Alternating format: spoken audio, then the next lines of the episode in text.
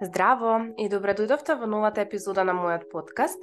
На моје огромно задоволство, денес не сум сама, денес со мене е Марија Колевски, која што ја познавам токму од Инстаграм, местото кое што еве лично и за мене е една голема инспирација. Марија е многу инспиративна жена, мајка, која што е носи една интересна приказна, која што би сакала некако малку и да ни ја раскаже Ова е една жена која што ја живее својата страст, која што не се плаши да ризикува, да ја проширува својата комфорт зона, да излегува од неа и да носи големи промени како за себе, така и пошироко. Здраво, Марија, добре дојде.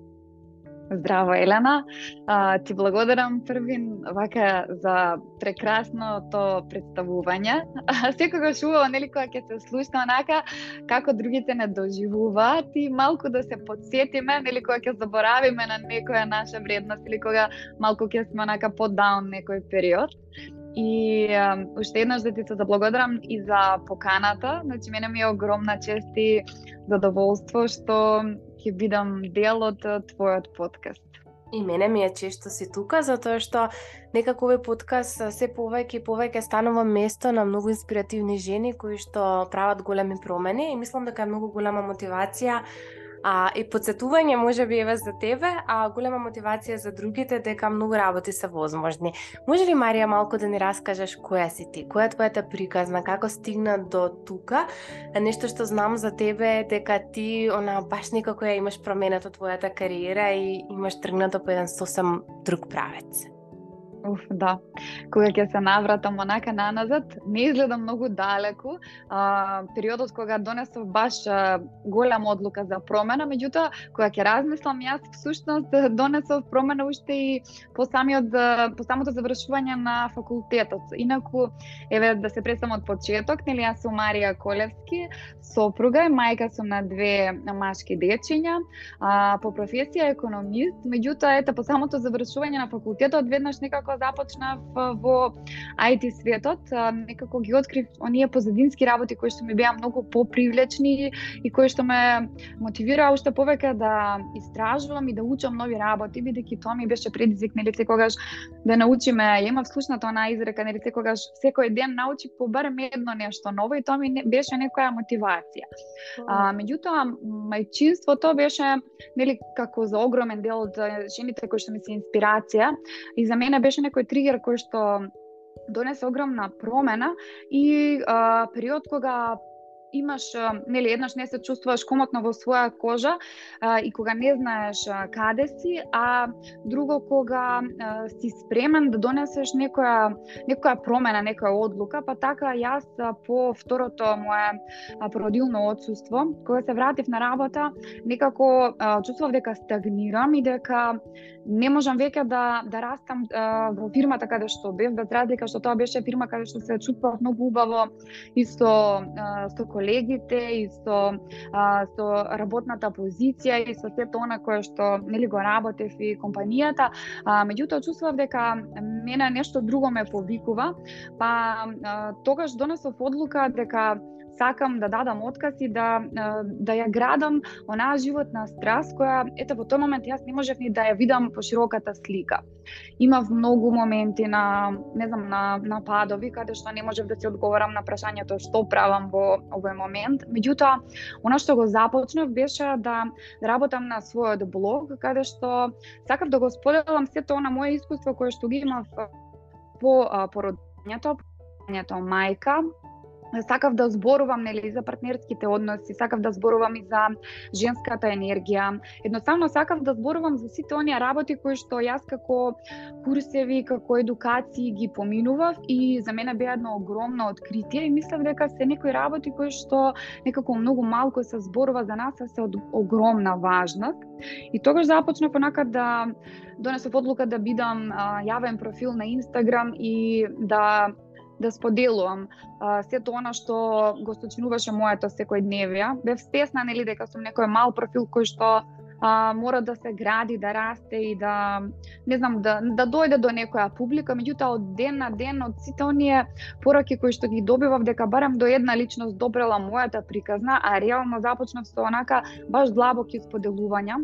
И, и тука само се нижаа некои идеи како ете и започнувањето на подкаст каде што ти два пати ми беше гостинка.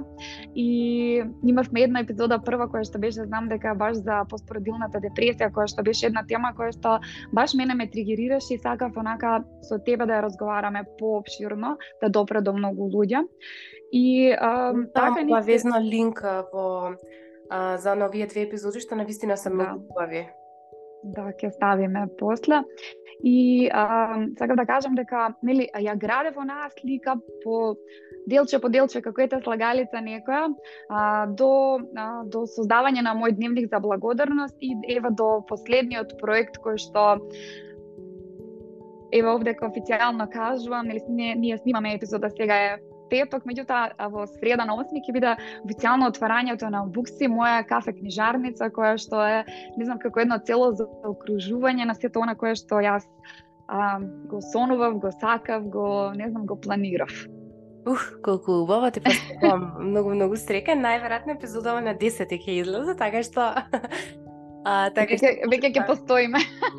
да, веќе ќе постоите, ќе бидете отворени, ама ќе биде некако баш убаво. Јас некако многу ми е драго и кога те видов дека правиш нешто вакво, а, дека знаеш некако баш живееш една една страст, меѓутоа нешто друго кое што го забележав, а тоа е дека ти правиш и работилници во Команово за присутност, за живење тука и сега. Па некако би сакала да те прашам реално во брзо време во кое што сега живееме, и како мајки, меѓутоа и како жени, не не не слушаат само мајки секако. А, дали би можела да дадеш некоја насока или можеби мислење како може да бидеме што е можно поприсутни? Mm -hmm.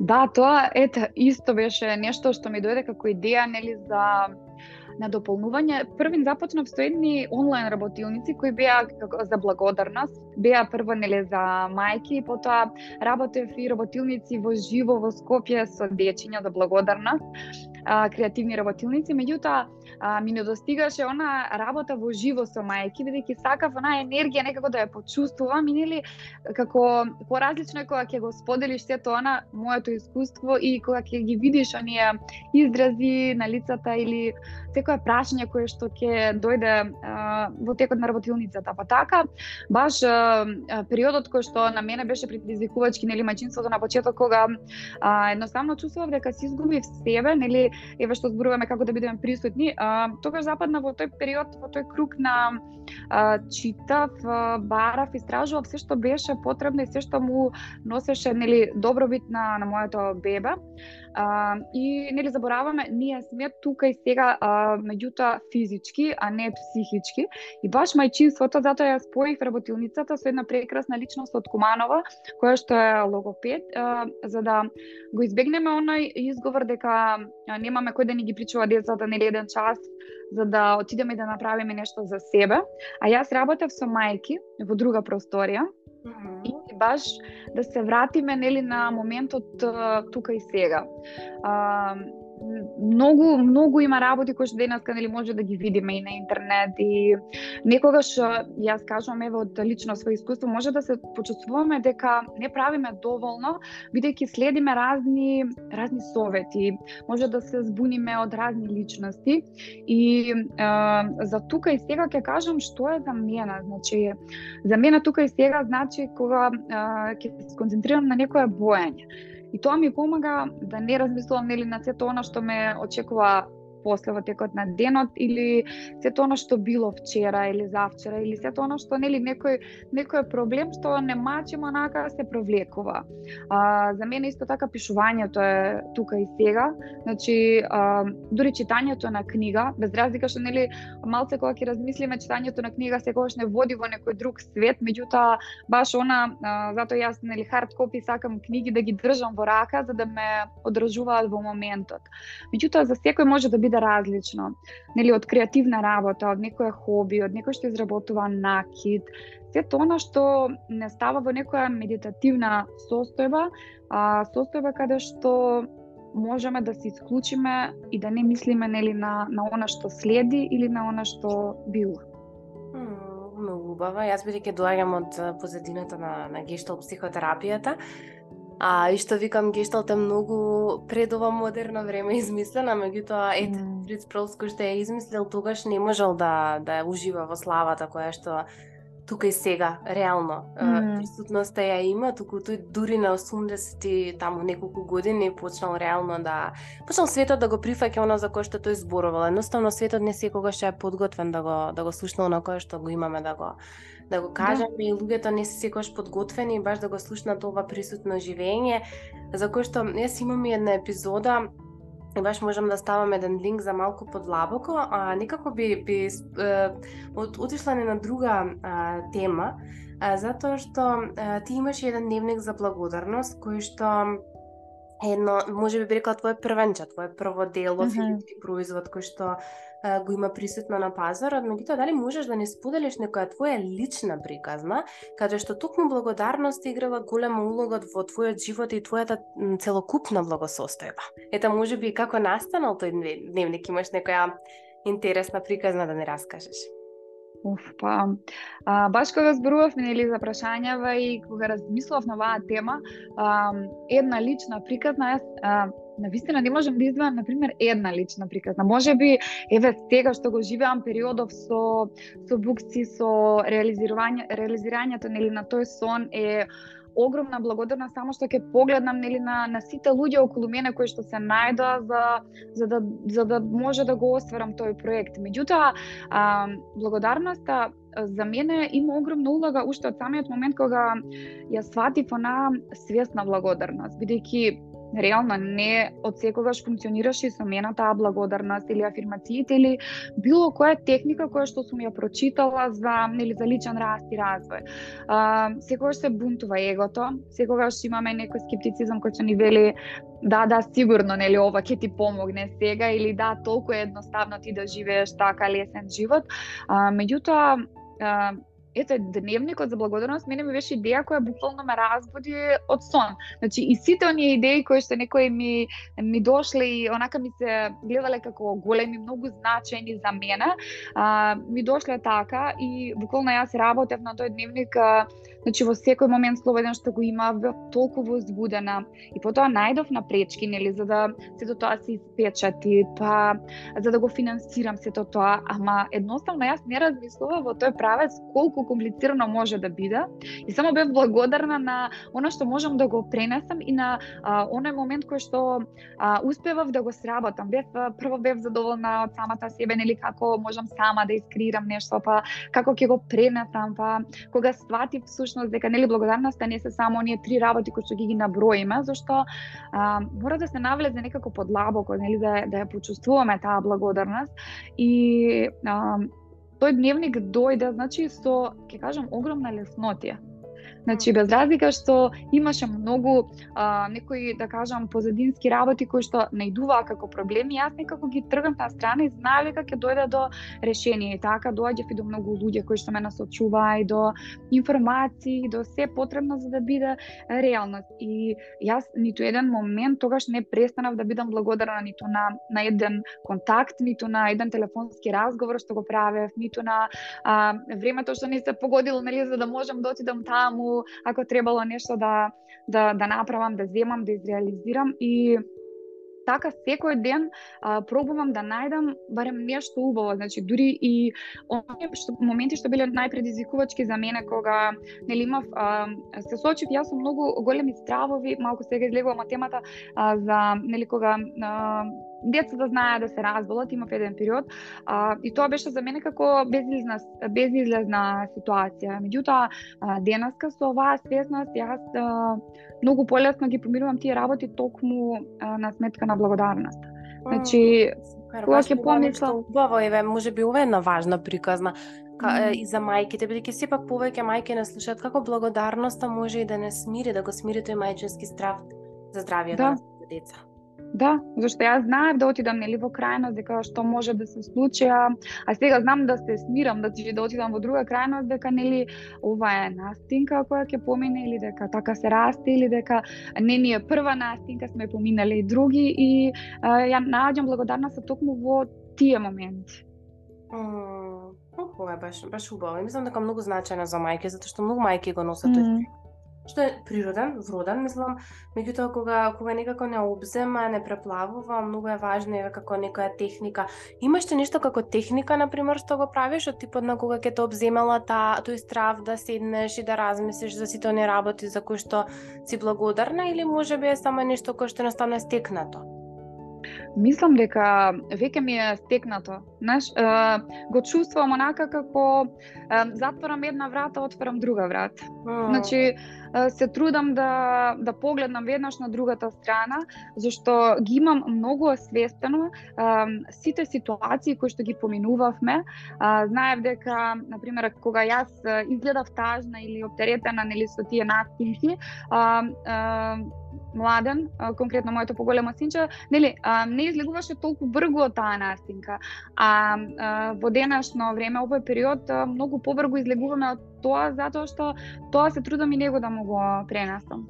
Mm, да, да баш убаво. Само дали можеш да, да ни споделиш а, за да стигнеш до ова ниво, да ти ја отварам една врата, затварам друга, нели отварам друга, mm -hmm. а колку време ти всушност ја практикуваш благодарноста? Затоа што многу имам и и ти знаат и да ми пишат, меѓутоа mm -hmm. и клиенти каде што ќе се даде препорака, меѓутоа го прават тоа 3 дена, 5 дена, па дури не знам, 3 недели или еден месец и едноставно немаат се уште видено некаков бенефит. А јас секогаш викам најмалку, најмалку, три месеци се потребни за да се доживее, почувствува некоја промена за себе и да а, а, а тек уште три за да можат и другите веројатно да ја mm. особено тие подалечните да ја забележат. Меѓутоа колку време реално ти а, го правиш ова, практикуваш благодарност секојдневно за да може да те стане тебе како и дел од рутината?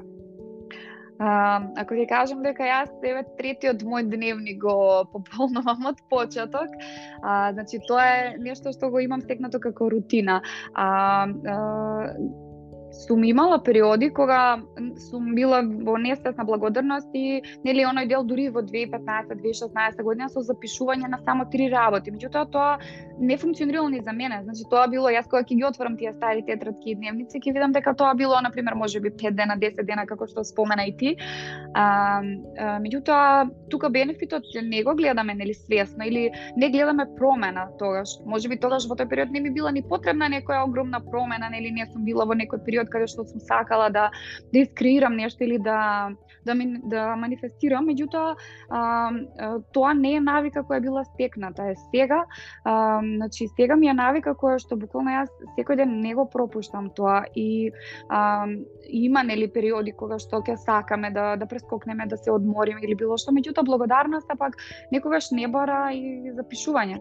Значи можеме свесно да да чекориме по улица и да бидеме благодарни на на тоа што го гледаме околу нас или на воздухот што го обдишуваме или на не знам денеска има сонце убаво или есента какви жолти лици ни дава или буквално во се можеме да ја најдеме таа благодарност. Значи, тука е тој момент кога е створена таа навика, али баш како што кажан, или 21 ден од она што го слушаме, читаме, дека препорачуваат нели да се изгради една навика, меѓутоа уште многу подолго за да онака ни влезе и да биде баш усвоена навика.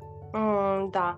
Или јас многу ја сакам таа реченица, замисли дека денес се будиш без сето оно за кое што вчера не кажа благодарам И мислам дека тоа е нешто кое што мене, мене е лично многу ми ми помагало секогаш за да можам да ги освестам кога да речем имам ден кога баш онака се е за никаде. Mm -hmm. И мислам дека се е за никаде кога ќе повторам оваа реченица, аха, оке, не е се за никаде. Дај да видиме сега што е добро. Што не е токсично, барем јас така го доживам, тоа не е токсично позитивно затоа што него негирам она што не чини, она што не го сакам, она за кое што да. сакам да го променам, не сум задоволна, боли, пече и така натаму, меѓутоа Меѓутоа не влегувам па ни во на црно-бело размислување или се е црно, се е бело, туку ги гледам боите и што е оно што е тука. Значи, ако некако сумирам најмалку три години, редовно практикуваш благодарност, исто сакам да го знаат тој другите, за да не, знаеш како мене многу ми е важно да личниот раст и развој некако се, ај што викаме да се запомни дека е процес. Процес кој што не завршува и процес кој што ако пред три години се снимавме, веројатно исто така ќе зборувавме за некои теми, меѓутоа секако а, на многу некое поинакво ниво и за три години, дај Боже да, да снимаме повторно, ќе биде, верувам, на многу повисоко ниво. Меѓутоа, mm. кога излегуваме од комфортната зона, кога менуваме, кога почнуваме некако да правиме некои работи кои што па и не се толку многу а, секојдневни, ајде би рекла можеби и прифатени во овој момент од општеството, поаѓајќи од страф, од некоја несигурност, па како сега ја оставаш стабилната работа, па почнуваш нешто нели ново и различно и така натаму. А, дали може да не споделиш како ти го надминуваш травото, туѓото мислење од коментарите, а, реално си изложена и на Инстаграм и со објави, со твојот блог, а, на кој начин се поддржуваш да излегуваш од твојата комфортна зона и да ги некако а, држиш настрана тугите коментари? А, а, знаеш дека мене најголем проблем ми беше моментот кога требаше да одлучам дали мојот профил ќе биде паблик јавен дали ќе биде. Значи, а, првин од времето кое што не можев некако да, да си дозволам да го одделам плюс да поминувам на социјални мрежи, а потоа ете од тие коментари, од тој страф, од било што, затоа што имав период каде што имав многу падната самодоверба, а, каде што а, буквално јас не можев да напишам коментар на, на некоја објава или не, на некој пост и а, морав стопати да премислам како некој друг би го прочитал тоа и што би сватило тоа. И сега тука, значи, огромна работа, ама огромна работа лежи на себе за да а, се надмина тој период и во тој момент кога јас се почувствував подготвена нели за да го направам и да да објавам прв текст или да напишам прв ньюслетер или да објавам а, слика од себе на Инстаграм со некој текст кој што нели за мене има длабоко значење, а, се помирив нели дека може секакви коментари да има. Меѓутоа, јас до сега не сум имала некој негативен коментар и може не сум ни, еве, да кажам, релевантна, компетентна, да кажам како би се однесувала.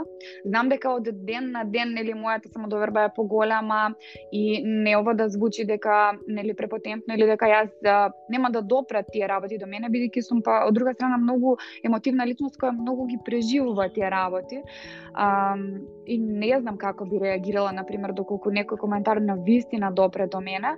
А, меѓутоа, си дадов до знаење, си дадов дозвола дека ќе одам напред и дека тоа нема да биде пречка, нели туѓото мислење да биде пречка за јас да не направам нешто како се чувствувам во одреден момент, да не превземам некој чекор. И а, знаеш како започнав со некои мали работи, а тоа беа а, контактирањето а, на, на многу личности кои што сакав тогаш да бидат дел од од мојот подкаст. Значи ти ние лично не се знаеме, тогаш мислам дека ни беше првиот контакт. Имав а, а, многу личности кои што ги сконтактирав за прв пат, ниту слушнале за мене, ниту било што бев помал профил или било што. Меѓутоа јас не добив негативен одговор, значи не добив одбивање и тоа ми беше огромна мотивација за а, да си ја ставам како не знам како некоја реченица која што а, ќе ме подсетува дека а, негативен одговор, нели, добиваш не само ако не прашаш. Mm. Тоа ти е загарантирано не.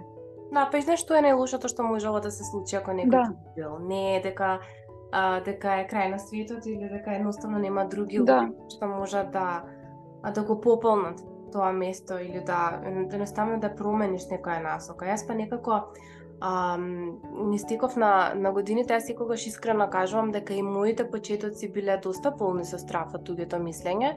А, мислам дека нема некој или можеби па не е ни здраво да воопшто немаш, нели, некаква некој страф или некакво мислење да си mm. општо ние сепак сме луѓе кои што живееме во колектив, зависиме од колективот и е многу нормално да сме поврзани. Меѓутоа па многу е негативно кога тоа не кучи затоа што многу често е абстрактен овој страф. Не ти многу убаво рече пишувам нешто и сега си викам, ха, оке, другите како ќе го примат. Mm. Некако тоа веројатно многу ја кучи и креативноста. Барам кај мене, ги памтам почетоците кога имаше и кај мене на таков период кога ги обмислував објавите, па сега чекај некој ако го прочита, па сега што некој ако рече ова за кое, за што е, и сватев дека потполно ја губам автентичноста и дека јас не можам да да се пројавувам во секоја моја улога, дека не можам да пишувам за сите, затоа што еве да речеме да. многу често кога пишувам некоја објава, јас сум свесна дека таа објава не е за некој кој што пати од депресија. Меѓутоа ако јас а, или некој кој што пати од гранично расстройство на личност или некој кој што пати од психоза или некој кој што пати од генерализирана анксиозност. Меѓутоа, ако јас седнам а, чисто како психолог ги носам еве некои етички моменти на, на моето пројавување. И си реков, ако јас се обраќам само на, на болна група или на, на, на, на група на луѓе кои што патат, кои што имаат состојбе со здравјето, кои што не се баш така, да речам, во завидна некоја а, состојба, а, јас нема да можам да се обраќам на никој. Значи, mm. и застанав реков, окей, јас ќе се обраќам во делот да објавите за оние личности кои што се добри, на кои што им треба само мотив, на кои што им треба поддршка, на кои што им треба потпора, затоа што не е, знаеш, овде си тргнав некако која е мојата намера. Затоа што која е добра намерата, знаеш, она некако енергијата со која што истото се пушта е многу поразлична. Не да. можам да, да им служам на сите тука и сега во исто време, но можам да слушам да служам на многу голем дел на, на личности. Па така има и некои објави кои што се токму за оние кои што патат од депресија или токму за оние кои што патат од анксиозност и така натаму. И ова е нешто мислам дека што мене исто така многу ми помогнало да едноставно прво си ја видам која е мојата намера кога нешто се објавува, кога нешто се вади и да прифатам дека нема да можам да им служам на сите. Да, ама ти јасно ја шириш целата твоја приказна и го кажуваш тоа дека, на пример, не можеш да примиш нели плюс клиенти со кои би работела еден на еден, кои реално нели ја имат неголемата потреба, а, меѓутоа со се тоа што го креираш на страна, ти им служиш на уште поголем број на луѓе, па и како што спомена нели, да, и некој ќе го надмине може тој тој период или таа депресија или било што, со слушање на може само една реченица која што ќе му направи клик. Да, и тоа се случило. Јас секогаш викам и мислам дека а, така некако јас ја променив, можеби излегов од границите на мојата професија и тоа е нешто во кое што последниот период некако и многу работам да едноставно не се идентификувам веќе само со психолог, психотерапевт, туку многу повеќе со предприемач и многу повеќе со креатор, затоа што сакам да креирам групни програми, програми кои што можат на да многу луѓе да им помогнат, бидејќи дел од мојата мисија и визија која што имам животна е да им помагам на што поголем број на луѓе да растат. Меѓутоа тоа не можам да го правам ако сум само еден на еден, бидејќи mm. тоа е времето кое што е ограничено. Значи не можам на тој начин да се грижам за себе, не можам да се грижам ни за клиентите. Клиентите со кои што работат знаат, ако тие се вклучат 100% во процесот, јас се вклучувам 200%. Значи јас сум многу посветена, да речам, кога работам и затоа работам со мал број на клиенти. Нормално не можеш со секој да кликнеш, боже мој. Значи да. многу е природно, има некои теми и моменти кои што и мене не ми се добро разработени, не можеш да бидеш нели најдобар во се и сето тоа. Меѓутоа е нешто кое што сум го сватила бидејќи мене на моето патување на личен раст и развој, колку што ми помогнала психотерапијата, многу повеќе, ајде би рекла за да излезам од комфорната зона, ми помогнале токму мотивационите говорници, а, оние, како да кажам, лайф коучеви, затоа запишав mm -hmm. коучинг, бидејќи токму тоа беше нешто кое што мене ми направи, аха, Значи, да. можам повеќе.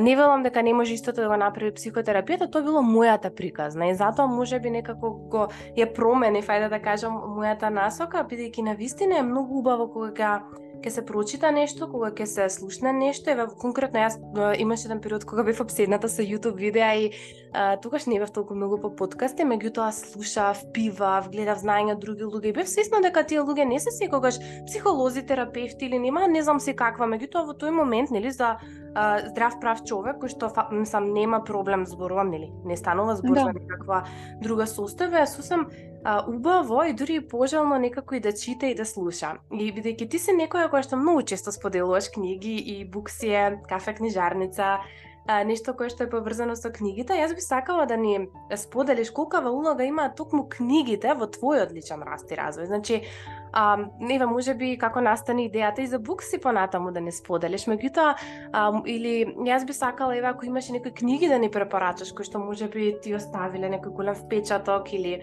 те донеле до некоја голема експанзија и раст. Mm -hmm. Да, а, книгите за мене стварно имаат огромна улога, а, зашто јас читам од многу мала и не знам, обожавав библиотека, бев зачлената од мала и пишував од многу мала и впивав, значи барав книги, немаше книги што дома на пример, нели ми соодветствуваа на возраста ги немав прочитано, па потоа почнав да читам некои а, така други книги, а, а, уживав во тоа и а, од секогаш имав некоја желба нели да имам а, своја книга книжарница, некоја кафе книжара, меѓутоа кога да разговарав нели со многу луѓе, тој сон многу луѓе го делеа и некако може тоа ми беше како а, од една страна а, да кажам сон, а, зашто нели а, не го гледав дека ќе го реализирам, си си мечтаев дека некогаш ќе се случи, меѓутоа баш а, во оној момент кога ќе го ставиш да ти биде цел, а, тогаш настапуваме кон реализирање на оние големи сонови. А, е сега книгите а, многу ми помогнале, меѓутоа јас имав еден период кога, на пример во средно училиште, кога започнав да да земам различни книги од библиотека, нели кои не беа тогаш а, романи, а, не знам литература која што ја читавме сите со другарките тогаш, а, чувствував дека не можам да споделам со сите, нели какви книги читам. Сега знам дека прва книга која моќта на подсвеста кога ја прочитав, а, многу мои другарки ја приметија таа промена тогаш во мене. И еве ќе кажам дека може таа е првата книга онака што во тој период била за мене едно вау откритие. И а, тогаш дознав нели за подсвеста, тогаш дознав за сетона а, што си го ставаме во глава, во позадина, како може да креираме, да, манифест, да манифестираме без разлика што нели тој збор манифестација тогаш воопшто не беше во во мојот речник или не знаев тогаш што значи колку има 17 години, например. И а, продолжив да читам такви книги а, и можам да кажам дека а, а, различни книги во различен период за мене биле од огромно значење. Сега можам да да набројам неколку книги што а, на вистина во еден момент а, еве имало и книги што јас ќе се ќе се фатам дека сум ги почнувала неколку пати па не сум ги прочитала и и тоа окей, сватив дека во тој момент јас не сум била подготвена за таа книга. Тоа го имав разберено на пример дека разлика колку книги сега ќе ни препорачаат, нели еве мотивационите говорници ќе кажат оваа книга значи мора да ја прочитате и многу луѓе ќе се фатат нели за таа книга книга и ќе очекуваат некоја промена и ќе добиеш на крај коментар, па што знам за мене не беше нешто оваа книга. И да, сум знаела доста на монака како е можно тебе да не те допре оваа книга, меѓутоа со текот на годините сваќав нели дека секој си има свој пат, секој има свој период во кој се наоѓа во животот и нема е потребна таа книга во тој момент. А, книги што направиле промени кај мене биле, ете како што споменав, моќта на подсвеста. Потоа книга исто така е што ја паметам многу е Калуѓерот што го продаде своето Ферари. А, а, големата магија од Елизабет Гилберт исто така. Значи, големата магија е книга која што а, ме мотивираше да се зафатам за работа озбилно со Букси проектот. А, таму, значи, а, се зборува, нема да откривам нели се за да стварно ја прочитате, е многу магична книга. А, меѓутоа се зборува дека една идеја доаѓа на многу луѓе во исто време и таа си бара некој за да ја реализира. И некогаш ние можеме да западнеме нели во онаа замка дека некој на нас ни е украл идејата. А меѓутоа кога ќе навлеземе подлабоко и ќе сватиме нели дека тоа е само идеја која што може да ми падне на мене на памет и на не знам некој што живее во Африка. И сега кој прв ќе ја реализира таа идеја, таа таму заживува. Значи кој ќе кој ќе се фати за работа, кој ќе преземе конкретни чекори. И тука беше букси, а, кога јас веќе од мечтање и од сон го ставив на хартија. И почнав да превземам баш чекори, бидејќи едноставно веќе не сакав и, и знаев дека нема да се чувствувам убаво, нели доколку а, а, за неколку години кажам, ех, како не почнав нели ја видам таа идеја реализирана некаде близко околу мене и си кажам ех како не почнав. Колку убаво, јас ја немам прочитана и си ја ставив на да.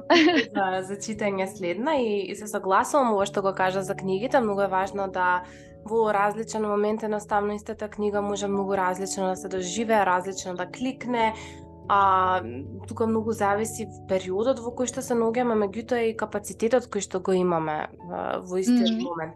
И зашто бараме? Зашто понекогаш кога барам некоја книга, ам, имам некоја, да речеме, барам некој одговор, ајде да кажам, mm -hmm. на прашање, многу често книгата во моментот знае да ми го даде одговор, тоа онака како што нели јас ќе ја да. прочитувам. Видов дека во моментов ја читаш Untamed од Гленон да.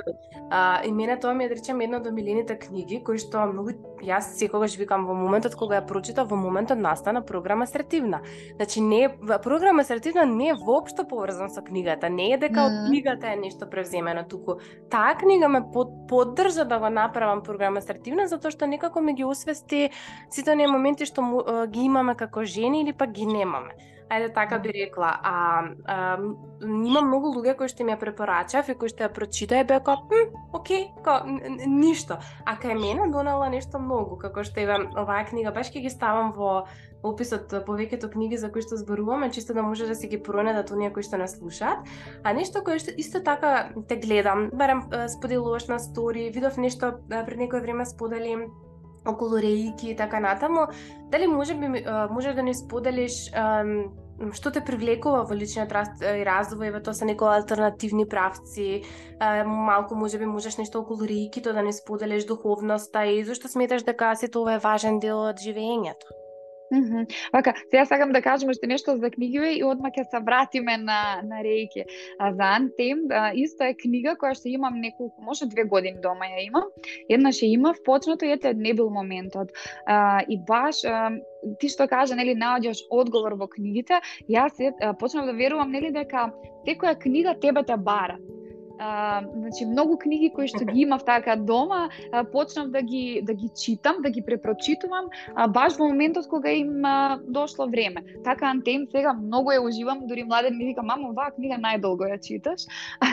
Некако мене птен ме ме допира книгата и а, исто така знам дека еве можам да ја препорачам и од Луиза Хей а, Живот, значи исто прекрасна книга, Атомски навики која што а, баш направи некоја промена, значи таа мислам дека два пати имам читано и целата е подплечена за за градење на навики. Меѓутоа, ова баш како што го кажа, нели ќе најдеме одговор или кога ќе ја догледаме некоја книга на полица и знаеме дека таа книга не повикува во тој момент. Mm, да, да, да се согласувам потполно. Има такви книги кај мене исто така што некогаш ме повикале во одреден период, а некогаш многу долго време седат.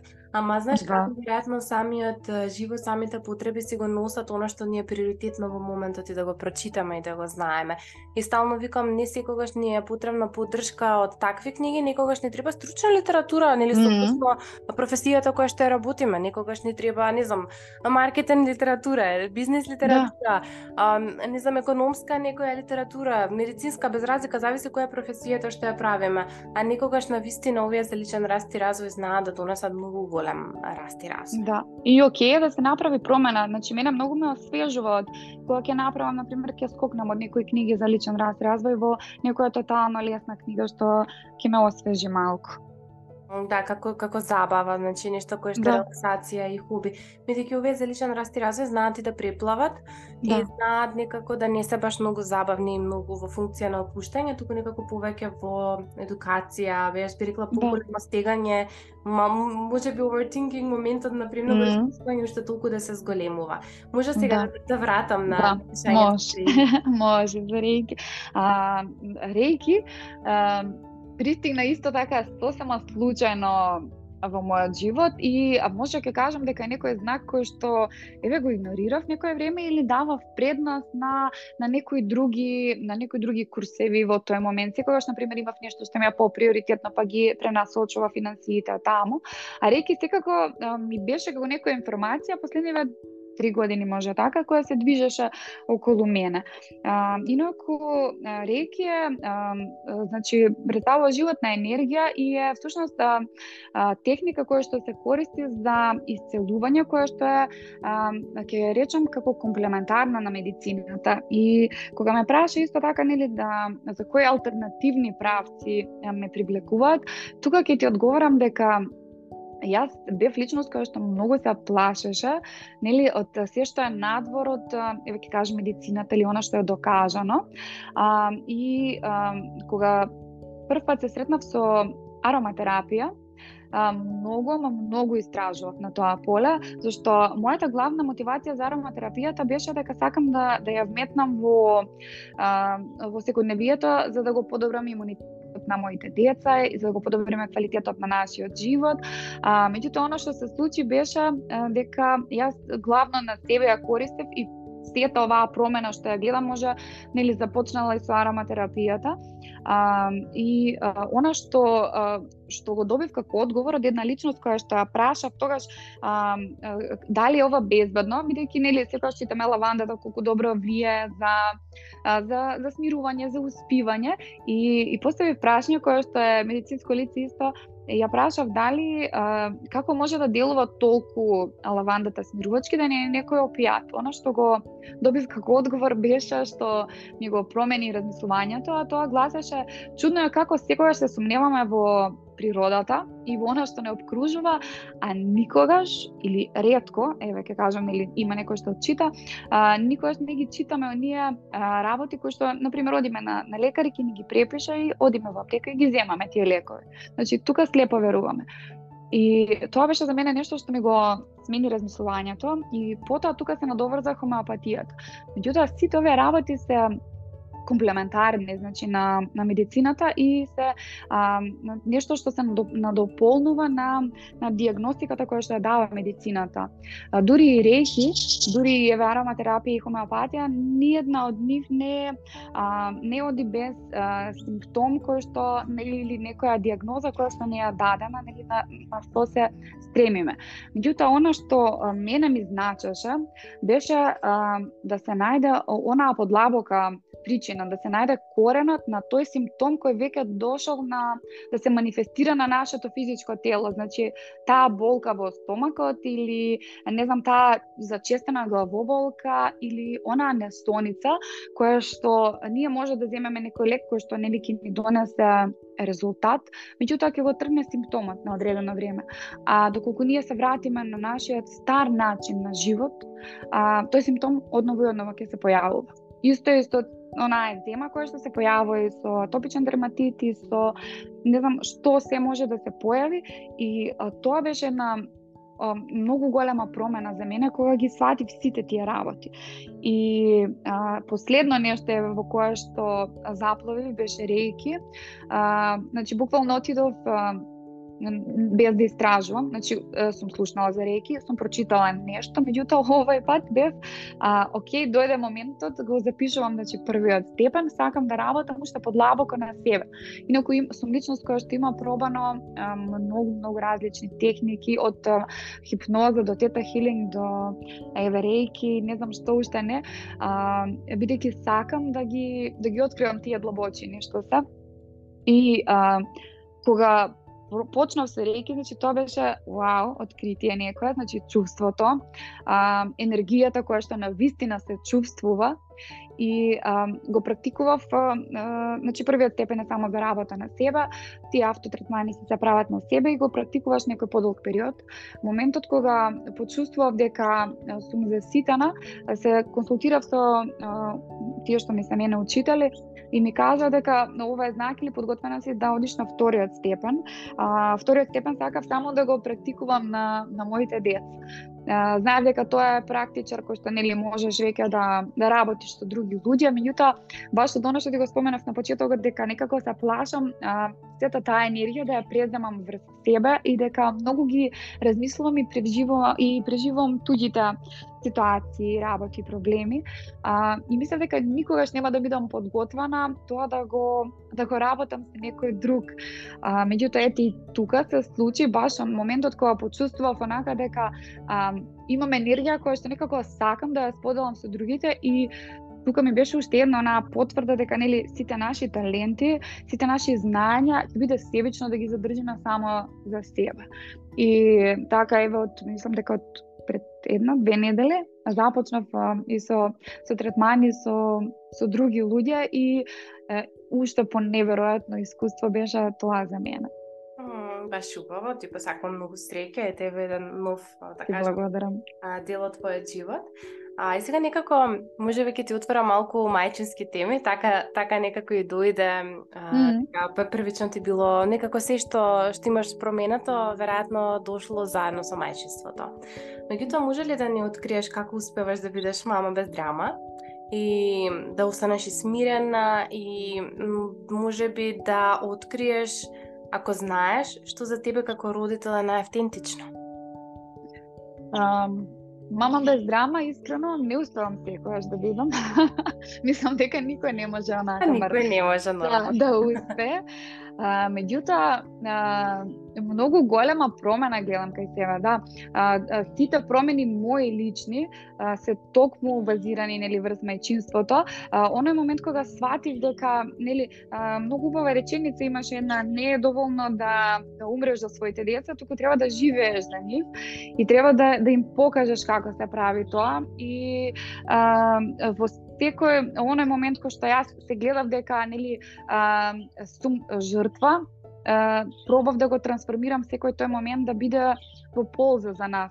Значи, а, и моите деца почна да ме гледаат многу почесто со книга, а, а, да ги кратам оние моменти да кажам, нели, бидејќи бара, како сум еве година и поскоро две дома, нели, а, тие бара уште поголемо внимание од мене, уште повеќе игра заедничка, наместо индивидуална. Јас а, на почетокот чувствував огромна грижа на совест за да не им го пружам тоа, меѓутоа гледав дека со текот на месеците мене тоа почна многу повеќе да ме исцрпува. И сега а, тука започнав нели да да работам многу поинтензивно на себе, да ги барам сите оние одговори кои што мене ме мачаа во мајчинството. А, и а, стигнав до некој степен каде што а, успевам да останам смирена на на сите оние тантруми, на сите оние изливи а, на емоции на моето помало синча Маркијан, кој што а, нели сите деца се различни, ќе кажат исто ги воспитуваме, а јас ќе кажам дека не ги воспитуваме исто. Ниту едно дете не можеме исто да го воспитуваме, а, бидејќи нели не сум истата личност која што сум била пред а, 7 години кога што кога се родил мојот прв син и немам ниту иста енергија, ниту исто време кое што нели можеме да го посветиме на на второто, на третото и така натаму на детенца и затоа велам дека не ги воспитуваме исто, меѓутоа важно е да да ја најдеме она автентичност на самото дете и да му го пружиме она што тоа го бара. Секој дете има и свои различни барања и различни потреби, јас јас некако така го сваќам и така го гледам тоа и се трудам мама без драма да бидам а, од ситуација во ситуација. значи, не знам, зависно во која ситуација ќе се најдеме, а, така да, да ги исконтролирам моите, да кажам, реакции или да понудам решенија за некој проблем. Меѓутоа, видов дека многу почесто нудам преградка а, а, на на Маркем, бидејќи гледам дека нели тоа му е потребно, а разговор на младен, бидејќи со него нели тоа ни оди полесно и ја наоѓам автентичноста во можеби ето во во тој момент кога успевам да да се да се поделам, како да кажам, да да најдам што му е потребно на секоја од моите две деца многу убаво. Фала ти некако што го донесе ова и фала ти за оној дел каде што сподели дека си забележала дека ете таа игра, знае да ти iscrpi, дека си нашла mm -hmm. нешто кое што алтернативно и мислам дека тоа е еден голем дел од мама без драма, да едноставно прифатиме дека окей, значи не можеме да бидеме совршен а, родител нели по нечи стандарди, да. туку мора да ги видиме нашите стандарди како некако да бидеме задоволни со со сето тоа што се случува и нормално да веруваме во процесот во нашите деца и во нас како родители. А кажи ми, да. ако се вратиш назад со младен како бебенце, таза породена, а, го држиш во раце, доаѓаш дома, влегуваш дома, а, ти си баш онака, те речам, исплашена, може ли може би не си била, ама ретко која мајка Уф, ја имам сликата пред очи. а, што би кажала на таа Марија? На таа Марија? а, би кажала уживај. уживај што повеќе можеш. Уживај во во потесното семејство. Во тие моменти. Некако да. ме, ме наежи кога го донеса во потеснато семејство. Многу, да.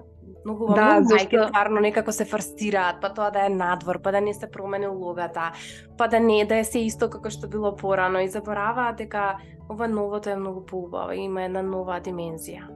Да, затоа што јас секогаш кога ќе се навратам наназад бев а, нели нормално секоја таа мајка а, бара а, совет или а, копира некој друг кој што мисли дека го живе животот кој што таа би сакала. И сега а, гледаме да најдеме нешто што на нас не изгледа убаво, меѓутоа пробуваме да го ископираме тоа и гледаме дека на нас не ни функционира. Ни ствара стрес, ни ствара дополнителен товар, ама се трудиме, упорно одиме натаму. И тега ја затоа би кажала, уживај во она што на вас ви одговара. О, како убаво. Фала ти многу за ова.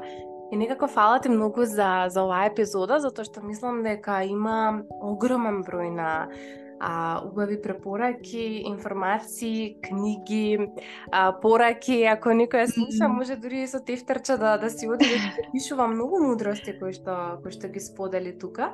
Јас во описот ќе го споделам и твојот профил, и дневникот за благодарност, букси, а, книгите кои што ги споделивме, линкови од епизодите кои што ги споделивме, А. И секако, а, каде може да те најдат, каде може да, да ја гледаат твојот раст и развој, некако верувам дека за, за некој време, кога ќе те викнам пак, имаш уште нешто, а, уште нешто ново може би да споделиш, меѓутоа, фала ти многу за тоа што инспирираш, за тоа што ги рушиш некако границите на во наводници нормалното, и што може би не можеме, него сигурно сум дека барам за за мал, и не е важно дали е за мал или за голем број, меѓутоа многу убаво го донеси ти тоа барам на една личност, ако знаеш дека си ја потикнала да ја следи својата животна страст.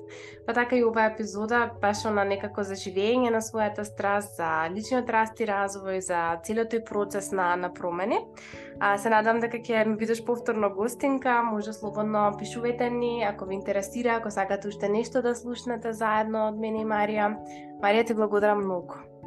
Или мене ми беше неверојатно прекрасно. А, знаеш дека нели кога зборевме на почеток ти кажав дека имав трема, а меѓутоа толку природно и толку пријатно ми течеше овој разговор и ти благодарам што те го извади може најдоброто од мене и ти благодарам за оваа покана и прекрасно поминато време. Нема нешто, јас уживав во, во секоја минута од оваа епизода Исто. и рекна што што ја имаат сега и другите некако можност да пијат кафе заедно со нас и да, да. растат.